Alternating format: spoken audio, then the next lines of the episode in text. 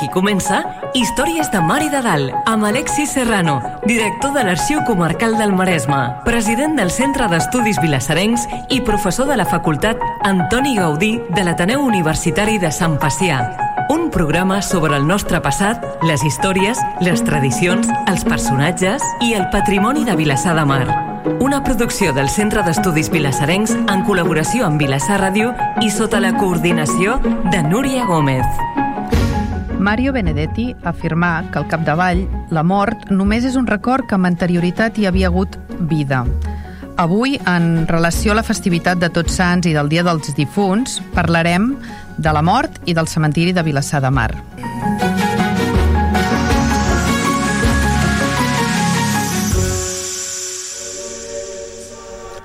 Benvinguts. En el programa d'avui parlarem amb l'Alexi sobre la mort i el cementiri de Vilassar de Mar.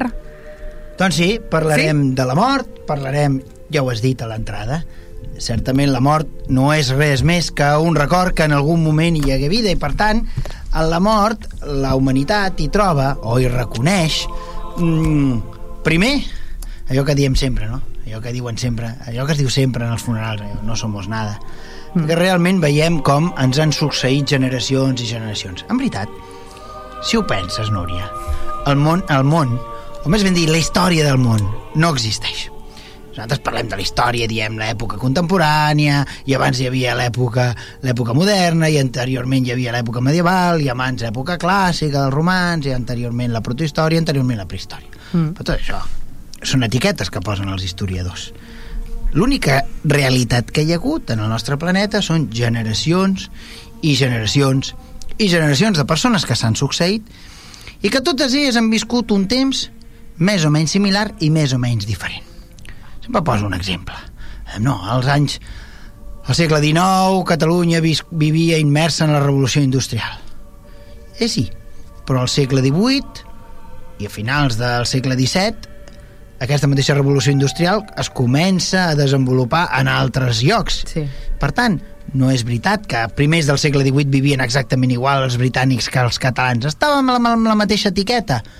Sí, probablement sí, però realment nosaltres vivíem d'uns d'uns sistemes, d'uns modus de viure més similars als del passat i en canvi els britànics més similars als del futur. Mm. Per tant, no vivíem, vivíem amb la, sota la mateixa etiqueta però amb, amb fases culturals, socials, econòmiques diferents. Mm.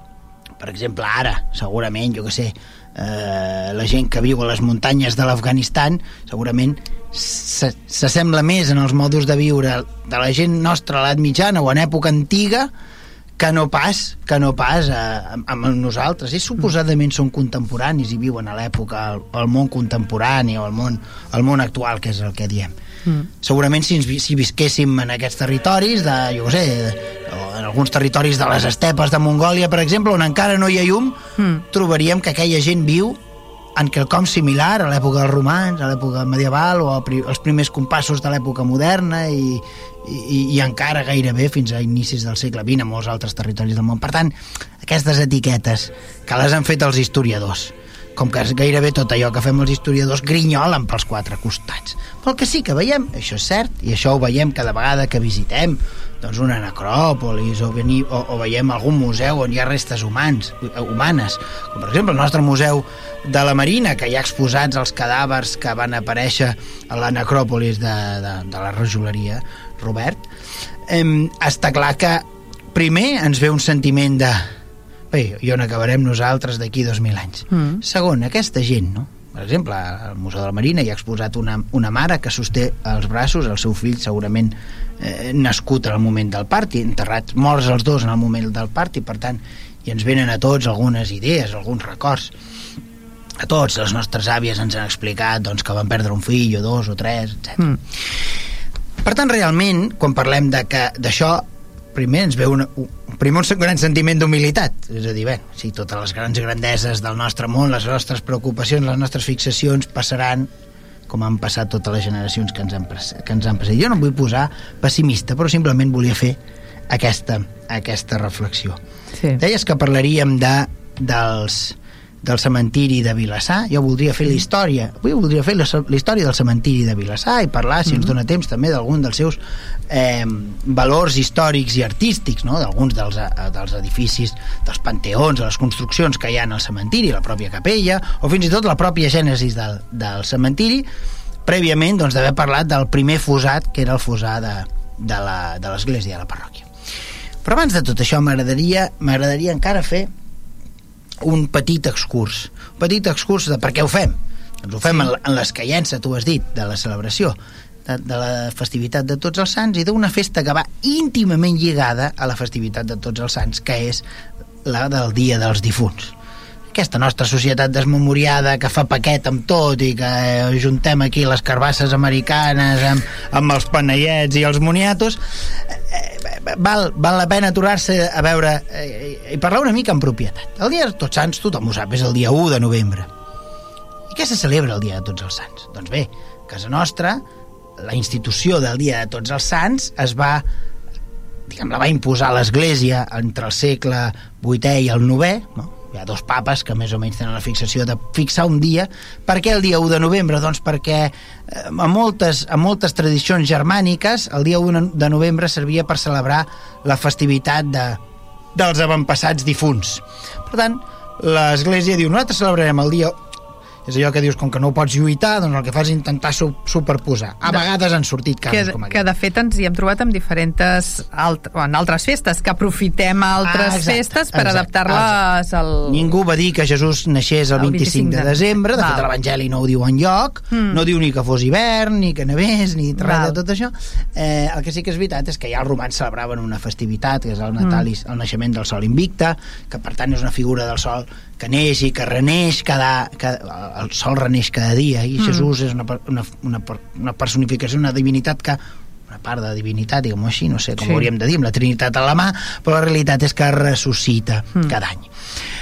Nosaltres aquí a, a, a, ens trobem que l'Església, entre els segles VII i VIII, ha de sobreposar a una festivitat pagana, que és la del culte dels avantpassats difunts, i ha de sobreposar una, una data. I, i en aquesta mateixa data hi posa la festivitat de tots els sants. De quins sants? Bé, de tots aquells sants que l'Església no ha elevat als altars, dels que ha elevat als altars i dels que no perquè l'Església no ha elevat als altars totes les persones mm. que han viscut amb santedat i justícia i que són beats als ulls de Déu. Per tant, l'Església, en previsió, diu, saps què? Nosaltres dedicarem un dia, dediquem tots els dies a cada dia un sant, o dos, o tres, o quatre, o quinze sants diferents. Però passi les mosques, hi haurà un dia que serà per tots els altres sants a part de tots els que ja tenim controlats i tenim el santoral clarament, mm. doncs per als altres que no haguem beatificat, no sigui cas que algú s'enfadés. I es posa aquest dia, l'1 de novembre, però amb el temps naixerà una altra festivitat, que és, d'alguna manera, ve encara a revelar aquest clau, no? És a dir, vale, sí, els pagans celebraven aquella festivitat dels, de, dels difunts, doncs l'Església el que farà serà el dia 2 de novembre instituir una altra festa, que és el dia de festa dels difunts, dels difunts normals, no aquells que han acabat sent sants. Si la festivitat de l'1 de novembre és el dia dedicat als sants, sobretot aquells sants aquella mà de sants, aquella generació de sants, sants, guió, màrtirs que havien viscut la fe i que havien pagat amb la mort, amb una mort, amb un martiri, per causa de la seva fe, no? sobretot aquelles, aquella gent, aquelles grans generacions de cristians que havien mort durant les persecucions del segle IV, amb Dioclesià, per exemple. No? Doncs el dia 1, el dia, això seria la, la festivitat del dia 1, no? el dia dels Sants, i el dia, i el dia 2, l'endemà, seria el dia dels difunts, el dia per recordar, per remembrar, doncs, tots els altres que ens han precedit, no? Pues, no sé, el meu pare, el meu avi, el meu sí. besavi, etc etc. Tots aquells que, per tant, es ve posar aquella data. I aquella, I aquella data ve una mica com a resultes de. A resultes de què? Doncs durant l'edat mitjana doncs, sobretot a l'alta edat mitjana, la planta parroquial no està molt definida encara.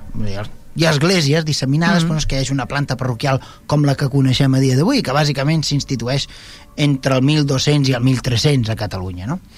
Eh, per tant, hi havia uns altres temples de culte. Per tant, si ens imaginem com era la Catalunya al medieval del nostre territori doncs tenim una església eh, a les Arenes de Cabrera, teníem una altra a Santa Helena de Gell, teníem una altra al Sant Cris de Cabrils, és a dir, teníem tots aquests, aquestes ermites disseminades que moltes d'elles encara més o menys perduren, més o menys eh, refetes les parròquies vindran més tard i les parròquies s'instal·laran allà on hi ha població. Mm. En el nostre cas, la població estava a Vilassar, a Sant Genís, i allà s'hi construirà una església que tindrà la demarcació parroquial. Però quan tot això no existia, eh, hi havia, diguem així, uns, unes petites llums religioses pel, pel territori, que són les comunitats monàstiques, sobretot a Catalunya, a la Catalunya Vella, i a bona part d'Europa, que tenim són les, les, els grans monestirs benedictins, per exemple Montserrat mm. o Ripoll, eh, eh, aquests grans monestirs benedictins. I els monestirs benedictins tenien la consideració a l'època medieval de, de ser com unes màquines que no s'aturaven mai Ara és fàcil dir una màquina que no s'atura mai, perquè n'hi ha moltes de màquines mm. que no s'aturen mai, no sé, els servidors d'internet, per exemple, sí. els motors de l'aire condicionat o de, dels refrigeradors, de les nostres neveres, que no s'aturen mm. mai. Però a l'edat mitjana no hi havia eh, coses que no s'aturessin mai. De fet, només hi havia una cosa que més o menys havien inventat i que no s'aturava mai, que eren els molins. Els molins funcionen mentre que hi ha aigua que fa girar les, les, la roda. No? Ara ho tindrien complicat, eh? Ara ho tindrien complicat. Però a l'edat mitjana, a l'edat mitjana el concepte de molí, el concepte de molí era una cosa que sí. girava ininterrompudament. Llavors, als monestirs se'ls hi va adjuntar aquella idea, que eren molins d'oració, no? que estaven pregant contínuament, Constantment. 24 hores. 24 hores vol dir que hi havia era el costum de l'edat mitjana que els monestirs benedictins hi hagués sempre a la capella un monjo pregant per pregant per, per les necessitats de la, de la comunitat, allà on estava establert el monestir, les necessitats de tots els veïns, perquè ens entenguem, d'una manera una mica genèrica. I a partir d'un cert moment es va posar com de moda que la gent, pagant una, una oferta al monestir, doncs mm, s'assegurava que els monjos escrivien el nom el, el nom dels que pagaven perquè els monjos estiguessin a les 24 hores resant, en tant en tant deixant anar el nom d'aquestes persones. I es va posar i es va posar de moda sobretot resar per aquells que ja havien traspassat. Val. Perquè els que han traspassat ja no hi ha res més a fer, ja s'han mort. Mm. I per tant, com que hi havia la creença de que després de morts venien 50, 60 o 70.000 anys de purgatori ja no hi havia res a fer, l'únic que podien fer era els que s'havien quedat resar perquè els anys de purgatori fossin els menys possibles Val. i aquells avantpassats nostres anessin a, a la vida de la glòria, al paradís celestial. Llavors aquests, aquests llibres van anar creixent en volum. Eh, els llibres mm. dels, dels fidels, no? llibres es, deia, es, es diuen els llibres dels fidels, estan plens de noms i noms de persones, eh, i que els monjos tenien l'obligació d'anar llegint a la capella, Val. no? anar llegint totes les hores del dia per anar mantenint el record d'aquests fidels difunts. Clar, això no cal que et digui que pot ser, mm, pot ser una mica problemàtic al gir de dos o tres generacions, quan has d'anar dient en record de tot això, què ens queda? Ens queda, a dia d'avui encara a les esglésies, el que s'anomenen les intencions, la missa d'intenció, a vegades es fan doncs, a l'aniversari del traspàs o a l'aniversari del naixement d'algú, mm. no? que tu encarregues al rector i el rector en el moment de la celebració eucarística doncs, diu el nom, diu el nom de, dels traspassats. Sí. I a part d'això tenim també la celebració anual dels difunts. El dia dels difunts s'anomenen els tots els fidels de la parròquia doncs, que en l'últim any ens han, eh, ens han deixat, han traspassat. Per tant, és per això que en aquestes dates, clar, un és el dia 1 i l'altre és el dia 2, sí. festiu només és el dia 1, a, a, a Catalunya, a Espanya, només és festiu el dia 1, i per tant nosaltres tenim el costum d'anar al cementiri el dia 1. Mm. Però la realitat és que el dia dels difunts, el dia o sigui, de el, hauríem d'anar al cementiri el dia 2. Hauríem d'anar el dia 2. El, el tema és que la gent aprofita anar al festiu. Home, evidentment, per, sí. Per això jo volia dir, bueno, per, per què avui parlem eh, de mort i per què en aquest programa especial que, que a vegades mm. fem, no? El fem sí. íntimament, tu i jo, sense convidats. Un altre dia podem parlar amb algun arqueòleg i podem parlar de la necròpoli romana, n'he fet, fet, eh, fet una al·lusió. Però ara avui el que m'agradaria parlar és de, del cementiri, és a dir, què hem fet amb els nostres avantpassats, eh, la comunitat de, de, de, de, de fidels eh, de, de Vilassar de Mar. Sí, exacte. Doncs bé, ja ho he dit, Inicialment, inicialment eh, quan si s'establirà la parròquia, un dels drets del rector és la de, de, de fer les exèquies, no? Mm. fer els funerals dels, dels difunts de la parròquia, per tant, cobrar la renda que se'n deriva, no? el donatiu que se'n deriva doncs, de, de fer les exèquies, és una prebenda del rector, ho ha de fer el rector, i per tant ja a la vora de les esglésies doncs trobem els fosats, no? els sí. cementiris parroquials. Això passa en molts llocs, i durant molt de temps els nostres veïns doncs, del, Vila, del veïnat de Mar de Vilassar doncs, cada vegada que es produïa el decés doncs, aquesta gent doncs, havien de ser portats o a les espatlles dels amics eh? o bé sobre un carro um, havien de ser portats fins a la parròquia a Sant Genís, però 3 quilòmetres no és tant, però bueno, amb una riera de pel mig, amb certes mm. complicacions, en època que els camins eren com eren, però la realitat és que els nostres avantpassats se sepultaven, se sepultaven a la parròquia de Sant Genís. I, per tant, si hem de localitzar algun dels nostres avantpassats eh, finat, doncs l'hem d'anar a buscar al registre parroquial de, de Sant, Sant Genís. Genís. Allà hi trobem els registres des de, des de que el Concili de Trento va imposar que cada parròquia portés registres de defuncions, de matrimonis i de batejos. Per tant, es permet saber els que van néixer, els que es van casar, i amb qui es van casar i els que es, i, i els que es van morir. Per tant, és allà que trobem tota la, tota la, la informació relativa doncs, a, aquesta, doncs, a aquest moviment mm -hmm. poblacional, perquè ens entenguem. Així serà, no? els, nostres, els nostres veïns s'aniran a sepultar a Vilassar de Dalt, així serà fins que eh, a partir de 1779 per tant, uns anys ja després de que hagués començat les, la construcció de l'església de, de Sant Joan, sí. l'església de Sant Joan es comença a construir el 1726, aviat farà 300 anys, i a partir de, de 1779, com deia, eh, començarem a veure que el bisbe ha donat permís perquè els, els del veïnat de, de Mar es puguin enterrar a l'entorn de l'església seva, l'església de Sant Joan i per tant veiem com s'articularà al costat de llevant de l'església un fosar. El, fos, el fosar de l'església feia com una espècie, feia una forma de telèfon una forma de telèfon, per tant, un telèfon dels antics, eh? no un sí. telèfon mòbil. no un mòbil, eh? Un, un telèfon esquemàtic, eh? eh hi havia, eh, seria, correspondria actualment, doncs, el sector eh, de llevant de la plaça de l'Església, no? sí. davant de l'Església, al costat més a tocar del carrer de Sant Joan, una estreta feixa de terra que pujava fins al carrer Montserrat i la part de darrere de l'església fins a arribar al carrer Montserrat. Cal tenir present que l'antiga església era molt més petita que l'actual sí. i en el mateix solar que hi ha ara l'església, doncs abans hi havia l'església, la casa rectoral, la rectoria, la casa del rector, i el, i el cementiri. Mm. I per tant, hem de pensar que era l'església era molt, molt, molt petita. A vegades quan dic com era l'església de Vilassar, dic aneu a Cabrils. L'església de Cabrils era cosina germana, les fotografies que tenim de l'església de Vilassar podem veure que la nostra església i la de Cabrils s'assemblaven molt quan a dimensions, quan tot. De fet, es van començar a construir eh, per les mateixes dates i i ningú podria negar que intervinguessin fins i tot alguns mestres d'aixa els mateixos, ai, els mateixos mestres d'obres, perdó, sí. en la seva construcció. Per tant, no, ni ho podem afirmar ni ho podem desmentir, però... Bé, però s'assemblen bastant. Tindria molt de sentit, mm. però normalment eh, és més, és més econòmic fer l'encàrrec a un arquitecte que faci dues coses iguales sí. que no pas eh, pagar-ne dos per, i per tant tinguem present que això era la mateixa parròquia, encara que Abrils i Vilassar era la mateixa parròquia, formaven part de la mateixa parròquia de Sant Genís i per tant tindria sentit. Però insisteixo, no hi ha cap dada que ens ho permeti dir, és una teoria meva i prou. Però la realitat és que l'església era molt petita i hi havia un fosar que s'extenia doncs, aquests tres costats.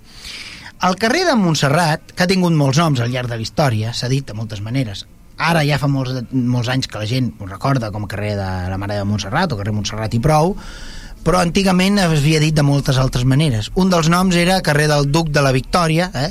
carrer de l'Espartero, que acertadament els vilassarencs van decidir de treure-li perquè un senyor que deia que a Barcelona l'havien de bombardejar que era 40 anys perquè Espanya anés bé bueno, home, pues, no, no em sembla massa maco s'ha de dir que Barcelona va tenir un carrer del, de, de, del, del Duc de la Victòria durant molt de temps i encara el carrer es diu carrer del Duc li han tret la victòria, però li han El deixat el Duc El Duc és el mateix, eh? És Ja. el general Espartero. Bueno, deixa anar per això.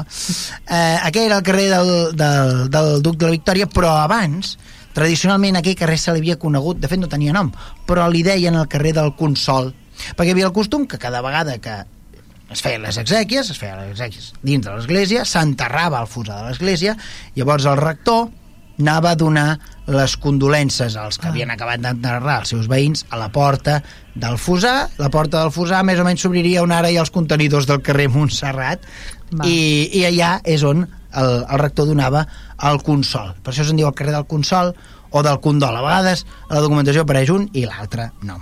Mhm. Aquest, aquest Fusar va funcionar durant molt de temps Però devia, devia haver-hi un moment que o Hauria es d'haver- va quedar molt petit o necessitàveu l'espai per una altra de, cosa. va quedar les dues coses Ja. va quedar, hi havia overbooking de difunts eh? ara penso que em, em recorda aquella, aquella cançó Mecano diu los muertos aquí lo pasamos muy bien nos Sí. vestimos y salimos entre flores de colores eh, però la realitat és que ja estaven mm, molt atapeïts Sí. Mm, per tant, ens hem d'imaginar que segurament, tot i que no tenim, no tenim informació, però molt probablement també hi havia nínxols, perquè l'espai era el que era i, per tant, està clar que el, el, els morts a un cert moment Mm. doncs, s'havien d'anar posant doncs, a, diversos, a diversos nivells.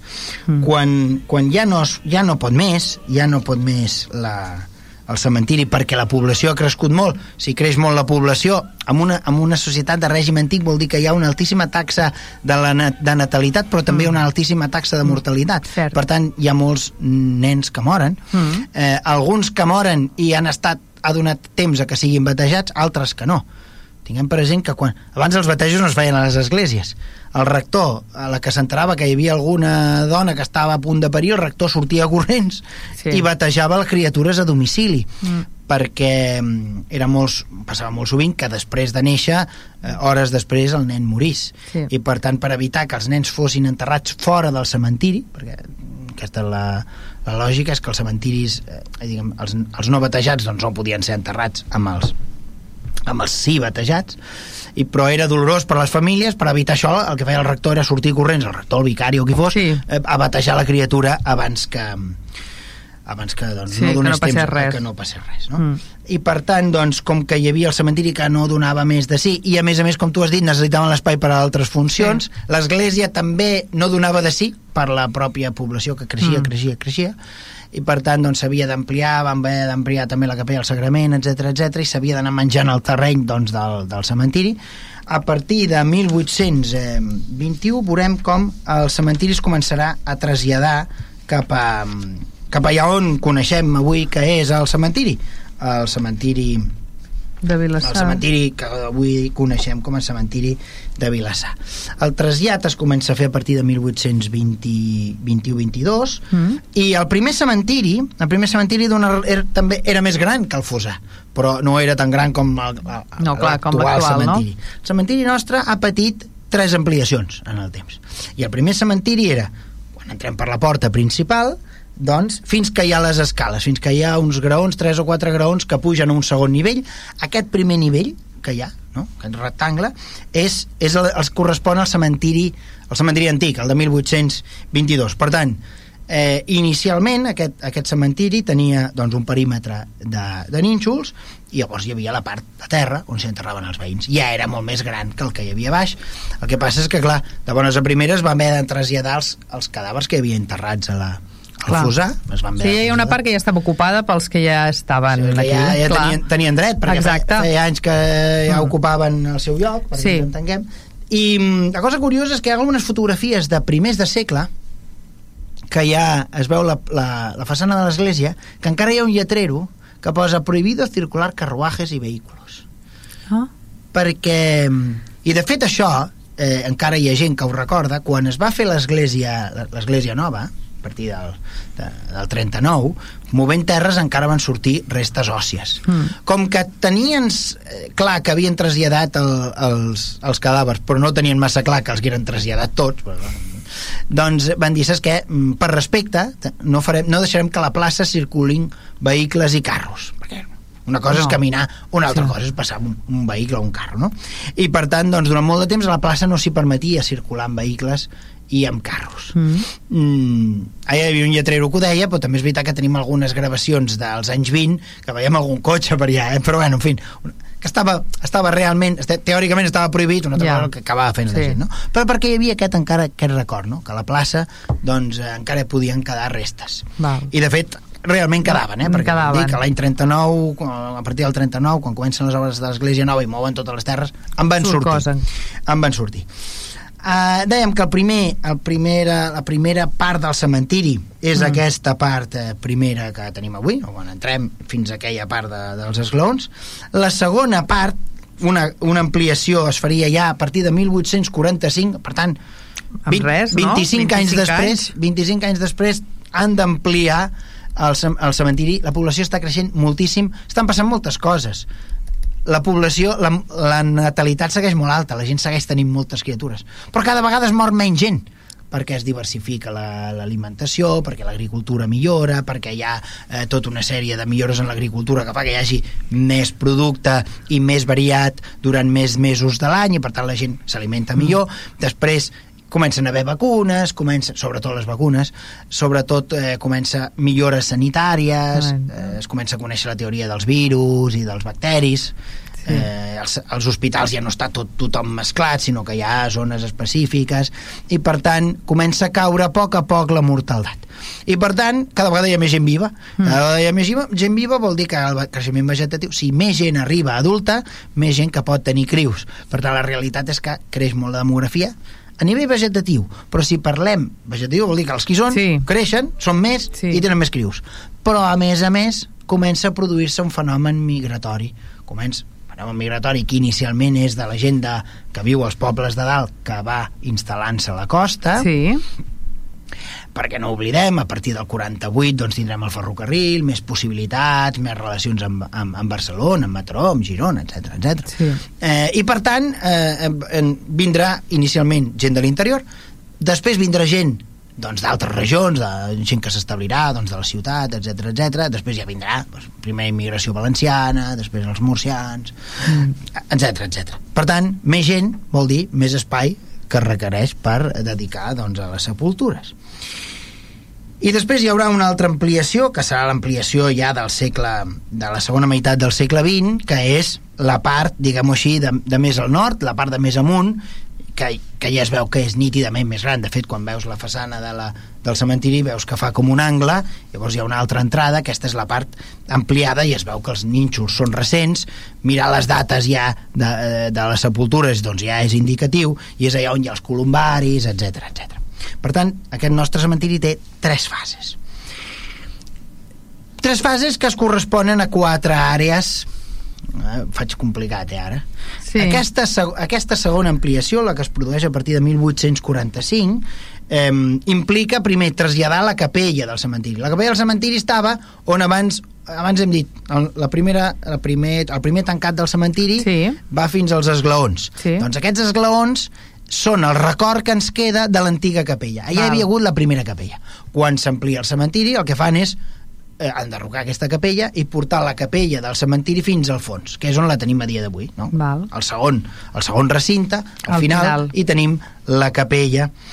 Aquella capella mm, va a frec a frec, no?, amb una línia de nínxols, no?, sí. eh, a dreta i a esquerra, i a l'esquerra de tot hi ha una porta que travesses i hi ha un espai i dins s'hi fa un petit, un petit espai que ara sembla mm, no sé com dir-ho, sembla, sembla una eixida tancada, sembla mm. un espai molt petit, un reducte, un trianglet ens queda.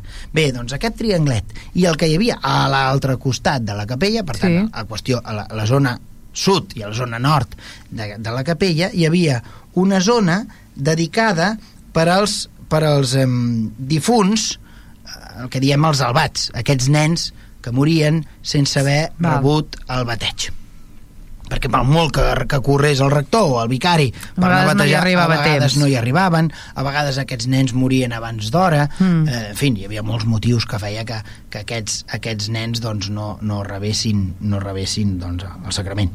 I per tant, eh, aquests, aquests, eh, aquest territori dedicat doncs, per als albats Sí, estaven en els laterals. estava en, en el lateral de muntanya estaven els albats, un espai Val. més petit i en el costat de mar, aquest altre lateral el que es dibuixava, allà hi havia el cementiri dedicat per el que s'anomenaven els dissidents, el cementiri dels dissidents vol dir, no perquè fossin dissidents polítics però eren dissidents religiosos no eren religents catòlics no eren... Clar, perquè hi ha gent que no professava la, la religió catòlica i també els estan enterrats al cementiri amb una altra banda, no? exacte, això passa una mica a tots Sí. els cementiris Sí, sí. europeus Sí. Tots hem visitat grans cementiris, de fet és una cosa que jo sempre Sí. convido a fer quan la gent visita visita segons quines ciutats, no? perquè val molt la pena, jo que sé, a Londres o a París, a Roma, Sí. sí. aquests grans cementiris. Sí. I, I a vegades eh, eh, és, és molt interessant veure, perquè parla molt de la societat que els ha, que els Sí. ha fet els ha, els, ha, els ha aixecat aquests cementiris no? per exemple, val molt la pena el cementiri de Barcelona el cementiri de Sí. Montjuïc que a part és el cementiri un dels més estranys del món a més situat en un penyal, en una roca i que va pujant i va pujant no?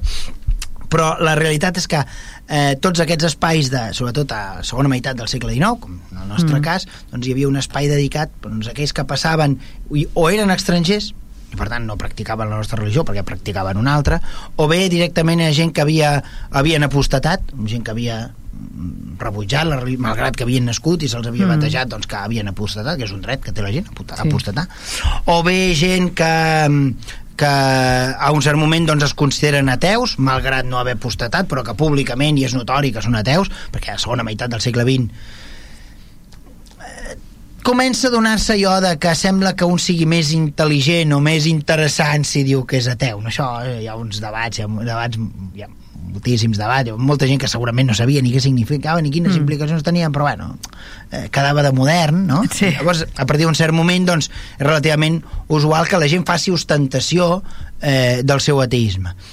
Això a segles passats no es podia fer perquè et feien la pell, però a partir doncs, de, de finals del segle XVIII i al segle XIX ja és difícil que t'empaiti la Inquisició Mm. per dir que no hi creus, o que creus en una altra cosa, Mm. o que creus en coses que t'has inventat tu, perquè cadascú pot fer el que li sembli, Que li sembli amb les seves creences. Però hi havia mm. aquest, aquest espai que se'n deia el, eh, el cementiri dels dissidents, no? l'espai dels dissidents, que tenia la seva porta, no sé, quan anem, a, quan anem al cementiri, la, al costat de mar del cementiri hi ha el camí de Calaudal, que va buscar eh, la sènia de la, de les, el molí de les Alzinetes, no? el que és ara la, el Museu de la Mina Vella, doncs hi havia una porta, no? just abans d'arribar al Rieral, a la Riera d'en Cintet, doncs hi havia una porta i allà era la porta dels, dels dissidents. Per tant, hem fet una mica la història de, de, de la necròpolis eh, nostra, no? Mm. Mm. Fins a, des de 1779 fins a 1821 barra 22, que és quan es comença el trasllat, el, el fosar a la parròquia, Sí. una, una primer, un primer recinte a, allà al cementiri actual que és el de 1822 que va des de la mateixa porta fins a les escales, ho hem dit, i després les, el segon espai dividit en aquests altres petits espais, el dels albats i els dels eh, dissidents a partir de 1845 Perquè- i després l'apartat doncs, contemporani sí. Perquè el, el tema dels albats i els dissidents i tal, quan es fa el primer, el primer cementiri, no Sí. es té previst? Al primer cementiri també hi havia una zona per albats i dissidents, el que, Que es fa llavors es trasllada. Quan s'amplia es traslladen. Val. Això és el que... Val. I, mm, i al fosar de la parròquia també, També hi havia un espai, no? també hi havia un espai Val. per als albats i per als dissidents, Mm. eh, òbviament tot, tot encara més, més eh, dimensions més reduïdes, però clar, Val. el fosar, el fosar de, les, de la parròquia és mm, molt, molt, molt petit. Si algú té una idea, de, de, vol saber de com era de- d'estret aquest, aquest pas del, del cementiri, que miri el campanar, perquè el campanar cau en la vertical en la vertical de l'església però, però la paret del, del campanar que dona al carrer de Sant Joan mm, no, no toca a, a, al carrer de Sant Joan per tant hi ha encara uns metres, hi ha una construcció l'església doncs li, ha- li ha fet un folre diguem-ho així, no? Mm. l'ha embolicat el campanar Sí. pels, pel, pels quatre costats però realment l'espai que hi ha entre la façana del campanar no? del que baixa de l'obertura de la campana fins al carrer de Sant Joan hi ha, hi ha un espai molt limitat doncs aquest és l'espai allà on s'enterrava la gent o sigui, estretíssim, estretíssim. Vol dir que es- molt probablement el, els posaven, jo, jo entenc que els, deuria, els deurien de posar a, en fila índia quasi, perquè Anava a dir-te de peu, no? Perquè si no, difícil, eh? era realment, era realment molt, molt estrany. Mm. Eh, anem a parlar, si, si tenim una mica... Encara tenim Sí, temps? tant. Sí, sí, sí encara. Parlarem del cementiri? Jo voldria parlar, abans que parlar dels, dels principals atractius del cementiri, Els principals atractius. Sí, bueno, els princi- atractius des d'un punt de vista his- històric, I no, no, no, artístic... artístic, no sé, artístic. No sé si seria la paraula, però... Sí, no, no, no, però clar, són una mica estrany. Des d'un parles. punt de vista escultòric hi ha algunes, Sí, hi ha algunes no, no, no. tombes que valen la pena. Hi ha, hi ha cementiris molt xulos. Eh. I, a més a més, crec que el d'aquí, la, la El- el nostre- façana, el nostre- n'hem parlat en algun programa. A, a, a, intentarem parlar-hi després, però jo voldria Vinga. explicar abans de tot Sí. quins eren els costums o els usos mm, funer- funeraris o mortuoris Val, sí. dels, nostres, dels nostres avis i besavis. Sí, Què passava quan es, quan es produïa un nòvit, quan una Sí. persona moria? Hem parlat al, algunes vegades aquí que l'esfera de masculina i l'esfera femenina són esferes diferents. Ni millor, ni pitjor, ni una per sobre, ni una per sobre. Però el que sí que est- està clar és que el que estem fent nosaltres ara és una cosa molt extraordinària, ho dic sempre. Mm. Pensar que els homes i les dones poden complir les mateixes funcions és una cosa que des d'un punt de vista històric i geogràfic és, és anòmal. Sí. És a dir, a, la, a bona part del planeta ningú concep que els homes i les dones puguin fer les mateixes feines, Mm. això és així. Només a una part d'Occident molt concreta, eh? una Sí. part d'Europa, no tota Europa, una part d'Europa i una part de, dels Estats Units, el Canadà i, Mm. I, i, i Austràlia i una mica a la volta també una mica als països de l'Amèrica Llatina. Però la realitat és que la major part del planeta pensar que els homes i les dones poden fer la mateixa cosa és ciència-ficció, encara dia d'avui, per això que dèiem que no tots vivim en els mateixos temps cronològics, eh? És cert. Formalment tots, som eh, tots vivim a l'època eh, contemporània, però realment Mm. altres territoris del món doncs, no viuen exactament que nosaltres. Això ja ens faria... Mm. Només això ja ens faria pensar i parlar molt. Però dèiem que tradicionalment dèiem que això és una cosa molt a, a, a, a històrica, és el que estem fent nosaltres ara, pensar que els homes i les Sí. dones poden fer exactament el mateix, és una cosa que és eh, fora de... És a dir, que té una, una geografia determinada, no tot arreu és igual, no tot arreu tothom ho pensa igual. I després una altra cosa, que en tot el món, en general, la major part de les civilitzacions i cultures que ens han precedit també ho han pensat així, és a dir, que les esferes dels homes i les dones eren diferents. sí. En, el, en un dels, el princip, les principals funcions de les dones, històricament, Mm. almenys el nostre racó de món, allò que anomenem el Mediterrani, aquesta coiner de civilitzacions mediterrànies, doncs totes aquest, per totes aquestes cultures, la dona ha tingut un paper, un paper fonamental en els dos grans moments de la, de la vida de cada persona, persona, home i dona, que és el moment del naixement, ho sento, aquest és un moment femení, Sí. se'n cuiden les dones. La dona és la que infanta, però són les dones les que ajuden a, a infantar la dona a la partera, perquè ens entenguem. Sí. I després l'altre gran moment és el moment de la mort. Sí. Se li reserva a la dona la- l'acompanyament de la mort, el, el, a l'embolcallar el cos. Jesús mor, Sí. i quan Jesús mor, no és que vagin els 12 apòstols a enterrar-lo. No. Qui, qui, qui es cuida de, de, de donar sepultura a Jesús, doncs és, són les tres Maries, Mm. Maria Magdalena, eh, Maria de Cleofàs i, i, i Maria, Maria... La Mare de Déu. La Mare de Déu. Eh, per tant, eh, i això és així, i és molt indicatiu. A vegades sempre que mm, mirar què passa a l'Evangeli doncs és, Sí. sí. és molt explicatiu. Un altre exemple, quan es mor eh, el pare de Beatriu, Dante, l'autor de la Divina Comèdia, mm, ho explica ell, que va anar a, a, a la porta de casa de la família de Beatriu i, i quan arriba allà ell estava commogut perquè el seu amor platònic, perquè de fet la va veure un parell o, cop, o dos cops a la vida i quan era petita, vull dir, de fet, Mm. després ahir la casen i ja no la veu mai més perquè les dones no surten de casa, perquè Mm. a l'època del Renaixement, eh? Sí. a Itàlia, doncs eh, ell va a la, a la porta de la casa de, del pare de Beatriu difunt Sí. i, i, i ell està commogut de pensar que ella estarà trista per la mort del seu pare i a ell se li escapen les llàgrimes de pensar que ella està Sí. patint, no perquè conegués el pare ni perquè li fes pa, mort, eh, por la mort del pare, sinó perquè i quan arriba allà i les dones el, agafen el, el, el, el foragiten de males maneres, li diuen, vés-te'n d'aquí perquè tu què carai vens a fer aquí diu, deixa'ns a nosaltres però és dolgudes les dones, Sí. perquè és la nostra feina li diuen. Sí. Això ho fan les dones a la mitjana, a l'època del Renaixement. Mm. A Itàlia ho fan a tot arreu. Han sigut sempre les dones que s'han cuidat de gestionar el moment de la mort. Gestionar el moment de la mort vol dir que s'han de fer bàsicament dues coses. A la nostra cultura bàsicament es fan dues coses. Primer, exposar el cadàver. Tothom, Sí. sí. ha de, tothom ha de tenir present que el cadàver que, que la persona s'ha mort. I per tant hem de deixar un temps de gràcia que serveix per dues coses. Primer, per assegurar-nos que és mort, Mm. i no que està dormit i que després es desperta en un tanatori, com hem vist eh, fa uns mesos, que ha passat a un, una persona. Primer, exposar el cadàver per assegurar-nos que és mort però després perquè tots els veïns puguin anar a veure que és mort. Mm. Això se'n deia, això, per als grecs, això se'n deia la pròtesis, no? La, la, la pròtesis és l'exposició del cadàver. S'havia de fer, era un element ritual. Normalment, normalment es feia durant tres dies. Tres dies per als grecs, tres dies per als nostres avis. Sí. Això és així. Eh? Ara nosaltres ho reduïm a una horeta abans de, de, de les exèquies, al tanatori, però com han canviat els usos funeraris entre Sí. en els últims 30 anys o en els últims 40 anys i, i, i, i com eren d'iguals a- fa 40 anys i fa, i fa 2.000, eh? Sí. com eren d'iguals. Mm. La pròtesis és això, no? exposar el cadàver. Encara no sabem ben bé per què ho fem. De fet, ara la gent ja diu, no, no, ja posem la caixa tancada, no volem Sí, no volem res. Però la realitat és que això es feia, s'ha fet sempre. Som nosaltres que comencem a fer coses rares. Comencem a incinerar els cadàvers, etc etc. però coses diguem, que són fora de, diguem així, de, de la història. Sí. Una, hem dit, la pròtesis, l'exposició del cadàver. I després l'altra, l'ecforà. L'ecforà vol dir treure el cadàver de la casa i portar-lo a la sepultura.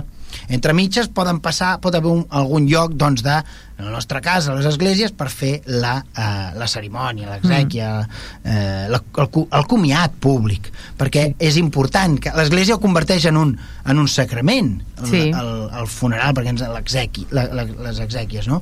I al moment del traspàs el que fa el capellà és tornar a, un, a, a, a beneir Sí. sí. amb aigua del bateig no? per, per, per recordar-te dues coses doncs que ets una persona de la comunitat dels batejats i per augurar-te un bon viatge fins a la vida eterna amb l'aigua del bateig, que és l'aigua de la vida per tant, els funerals són moments de record de la vida Mm.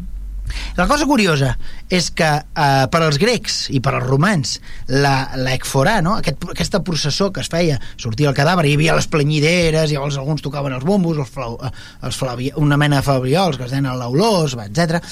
Em, quan això, això es produïa les planyideres eh, cridaven la teoria per als grecs i els romans és que havien de cridar allò que s'anomenen els elements que ningú s'enfadi. Psicopoms, aquesta paraula rara. Els elements psicopoms són algunes, algunes figures mitològiques que ajuden a portar l'ànima al món dels morts, no? Eh, per als grecs era un cavall alat que es deia Pegaso. Pegaso venia amb aquell cavall blanc alat preciós, agafava l'ànima del difunt i la Se la portava, portava. la portava per, al l'Hades, no? Al, al, Mm. al, al món dels morts.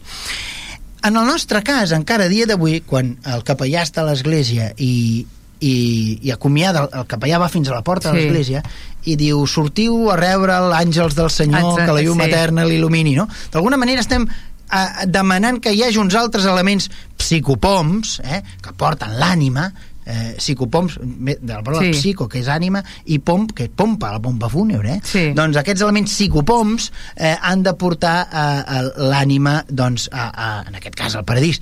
I el rector, el capellà, el que fa és demanar que ho facin els àngels, Que de fet també són animals salats. que també són, no sé si són animals. Bueno, vull dir animals... Figures alades. Figures, volia dir figures, perdó, eh? Que ningú se m'ofengui. Figures alades. Eh, Sí. Però eh, aquí estem, eh? Estem Sí. allà mateix. Tenim pròtesis, importantíssima, i l'ècfora.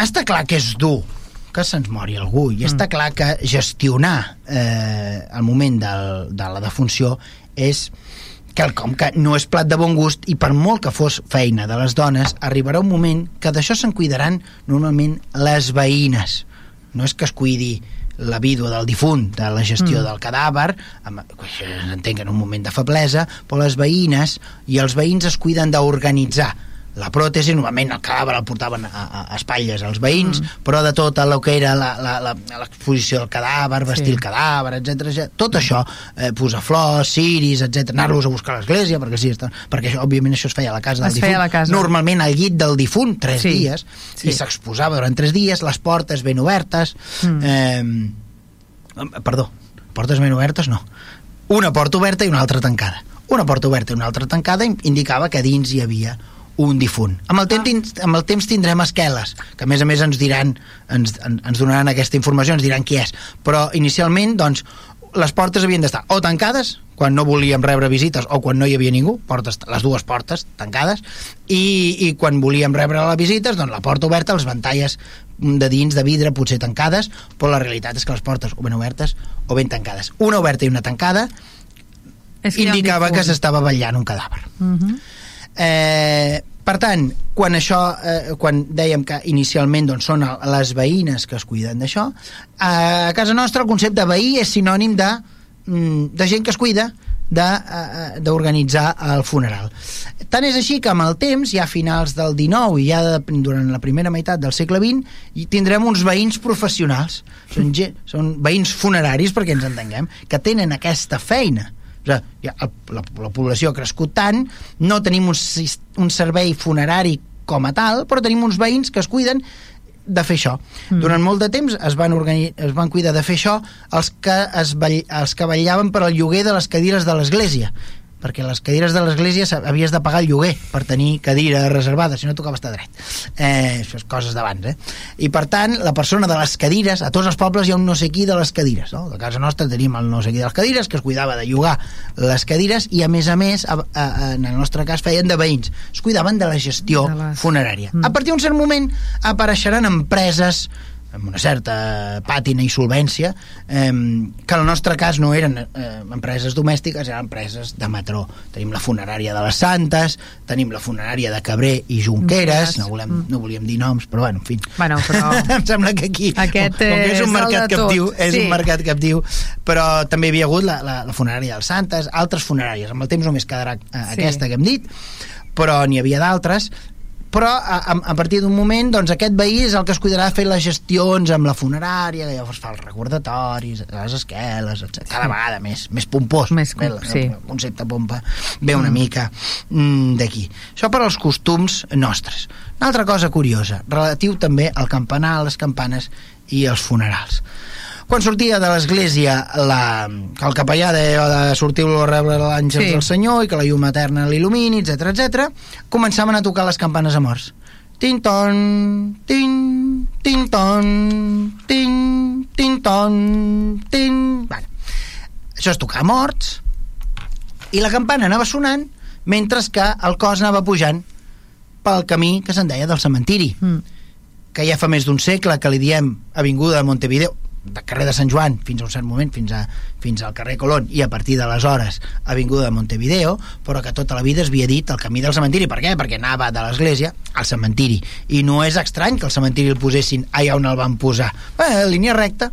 Ah, Jo, el camí del cementiri, tot tenia una certa lògica quan el, la caixa anava pujant, no? La port- tant si la mm. portaven a espatlles com si anava ja amb, amb cotxe de carruatges, no? perquè aquestes empreses, a partir d'un cert moment, què menys que et portin un, un cotxe de dos cavalls, de quatre cavalls, que menys que sis cavalls, sis cavalls amb penatxos, sis ciris, eh, eh, Clar. escolans... Eh, bueno, en fi, Quan més coses, més poder n'ets. Exacte. Per tant, eh, perquè aquest concepte, insisteixo, pompa fúnebre, Sí. eh, és d'aquesta època bàsicament segona meitat del segle XIX les societats pobres no es havien plantejat mai de fer aquestes grans però a partir que la societat s'enriqueix doncs òbviament si has viscut com un ric o un mig ric tota la vida quan et mors encara més. La cosa curiosa és que mai de la vida ens porten en taxi en lloc i el dia que, el dia que et mors, llavors sí, amb una caixa de roure i a sobre eh, has d'esperar a morir-te però... bé, la cosa eh, bromes a part. La cosa és que quan el, campana, eh, el campaner veia que la caixa entrava dins el cementiri, llavors deixava de tocar les campanes. Eh, en una època com aquella, que no hi havia gaires sorolls, òbviament la mort d'una persona era, era, mm, era una cosa Es sentia. sentida, sentida.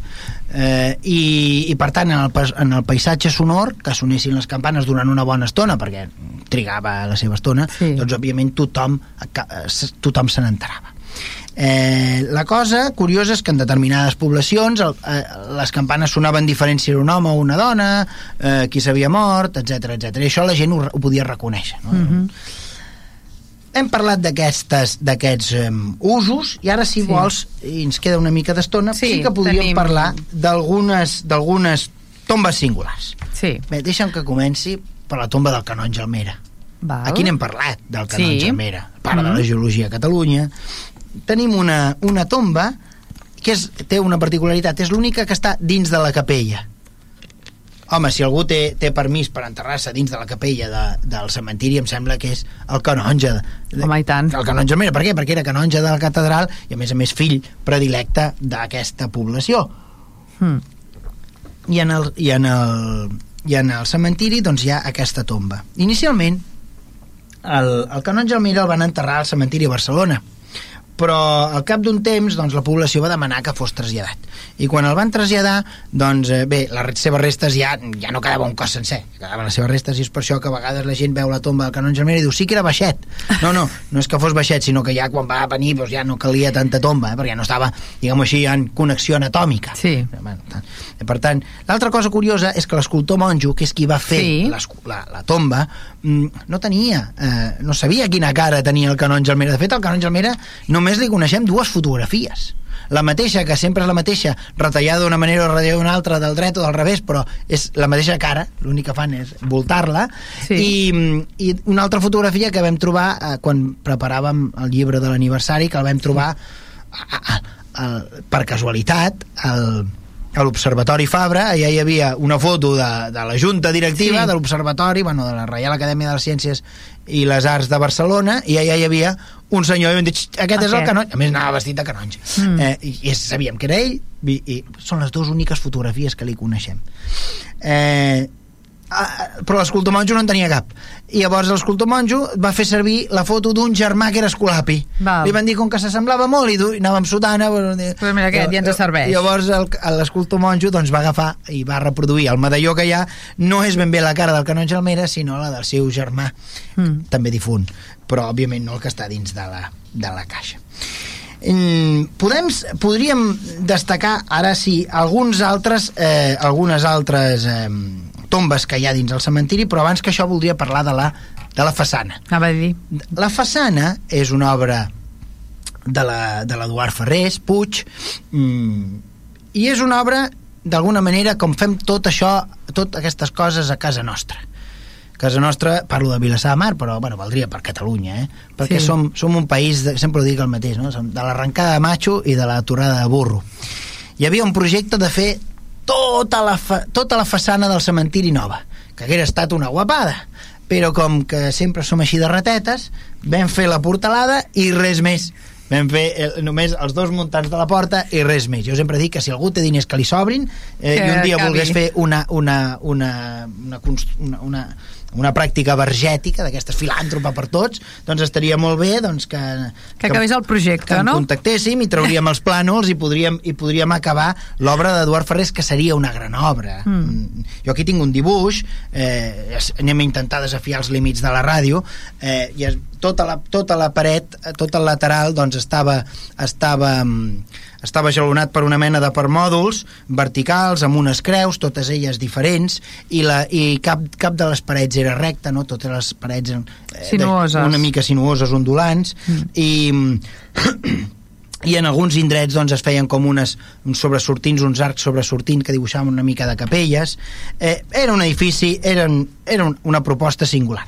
Hi ha qui diu que va, va pagar va sufragar el projecte. No sé si és un mite o realitat, conèixer el personatge segurament és un mite, hi ha qui diu que qui va pagar la reforma del, del cementiri era el propi Cambó, Francesc Cambó que tenia relacions amb Vilassar de Mar la seva mare Cert. vivia davant de l'estació això s'ha dit, mm, jo no sé d'on ho treuen. mm, Tu no ho has trobat jo enlloc. simplement ho dic, que es diu, s'ha dit, eh, si algú eh, doncs ens, Té ho pot, algun ens, ho, document, ens ho no? pot demostrar, estaria bé que ens ho diguessin, perquè llavors deixaríem de dir s'ha dit per dir ho diem perquè hem vist els documents. Bé, Val. Eh, L'edifici, eh, bueno, la portalada és una, és, una, és una construcció molt singular, eh, asimètrica, com moltes de les coses que es feien a l'època del, del modernisme, és plenament modernista en aquest sentit, perquè té tots els elements, el treball de la forja, el treball de la pedra, hi ha les tres virtuts eh, teologals, la fe, l'esperança i la caritat, una mira amunt, una mira baix, l'altra mira eh, eh, endavant, eh, i, i bé, està, està ple de detalls doncs, relatius doncs, a- a- al traspàs, no?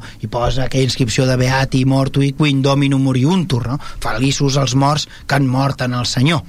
Eh, altres tombes que val la pena, jo no sé com vaig de temps, imagino que Tenim malament. quatre minutets. Quatre minutets. Una, una tomba molt interessant, amb un desconsol, amb un desconsol eh, eh, interessant de, d'Enric Clarasó és la tomba de, de, ja ho diré, la tomba del Panteó Casanovas, que també és obra de l'Eduard Ferrés, la, que seria la construcció, Sí. però llavors hi ha aquesta, aquesta, aquest, aquest desconsol, que és una obra, una, una obra mestra. Després tenim el Panteó dels Mir, Panteó Mir i Mir, que és una altra obra monumental, amb aquella gran creu plenament modernista, marbre blanc i amb un àngel amb les trompetes abans sentíem el tuba mirum no? Eh, eh, no? les tubes que toquen els àngels sí. en el moment doncs, de, que et criden davant del judici final eh? per tant aquí un, un àngel amb les trompetes mm -hmm. eh, les trompetes de la mort que no són bolets sinó que són, Que són trompetes que les te criden- trompetes, trompetes. que te criden al judici final el Panteó Guardiola una altra, una altra construcció modernista exquisita eh, en aquest cas doncs de de una obra d'Antoni Gallissà i d'Antoni Gallissà i Suquer eh, d'Antoni Gallissà i Suquer també tenim la tomba la tomba del, del notari Arús una altra, quan, entrant a mà dreta una tomba doncs, també des d'un punt de vista mm, singular no? Mm. També doncs, amb uns pinacles molt, molt, amb, una, amb una gran verticalitat. I, mm, i jo no sé si tinc massa temps. Altres tombes amb alguns elements interessants que a mi m'agraden per exemple el sepulcre dels Carrau que seria un, un en aquest cas és un nínxol de tres cossos però lo interessant doncs, és que és una obra és una escultura neogòtica. Tot ella és una escultura neogòtica amb dos figures de sants als costats també molt, molt suggerent. I altres detallets que són que són propis doncs, de, la nostra, de la nostra cultura i de la nostra tradició, com per exemple la tomba del mestre d'Aixa Ja- Jaume Almera, parent del canonge, està clar, Mm. eh, que per exemple doncs, a la part de dalt es veu una construcció, es veuen les quadernes, les Sí. quadernes, o sigui, una, una, una embarcació a mig construir, no? I, i allà t'estan dient, no, aquesta és la tomba d'un senyor que construeix, construeix eh, embarcacions Sí. Val molt la pena visitar el cementiri, val molt la pena sobretot fer-ho per tots sants Sí.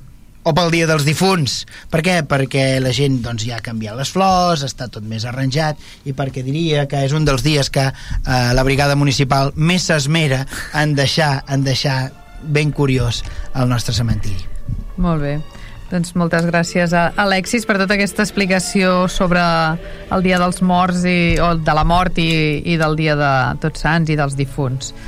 I hem arribat al final del programa i recordeu que podeu tornar a escoltar el programa a través de vilassarradio.cat i a Spotify buscant històries de mar i de dalt. I també us podeu subscriure al canal de Spotify per rebre el programa cada setmana. Adeu i fins al proper programa. Històries de Mar i de Dalt, un programa sobre el nostre passat, les històries, les tradicions, els personatges i el patrimoni de Vilassar de Mar. Una producció del Centre d'Estudis Vilassarencs en col·laboració amb Vilassar Ràdio i sota la coordinació de Núria Gómez.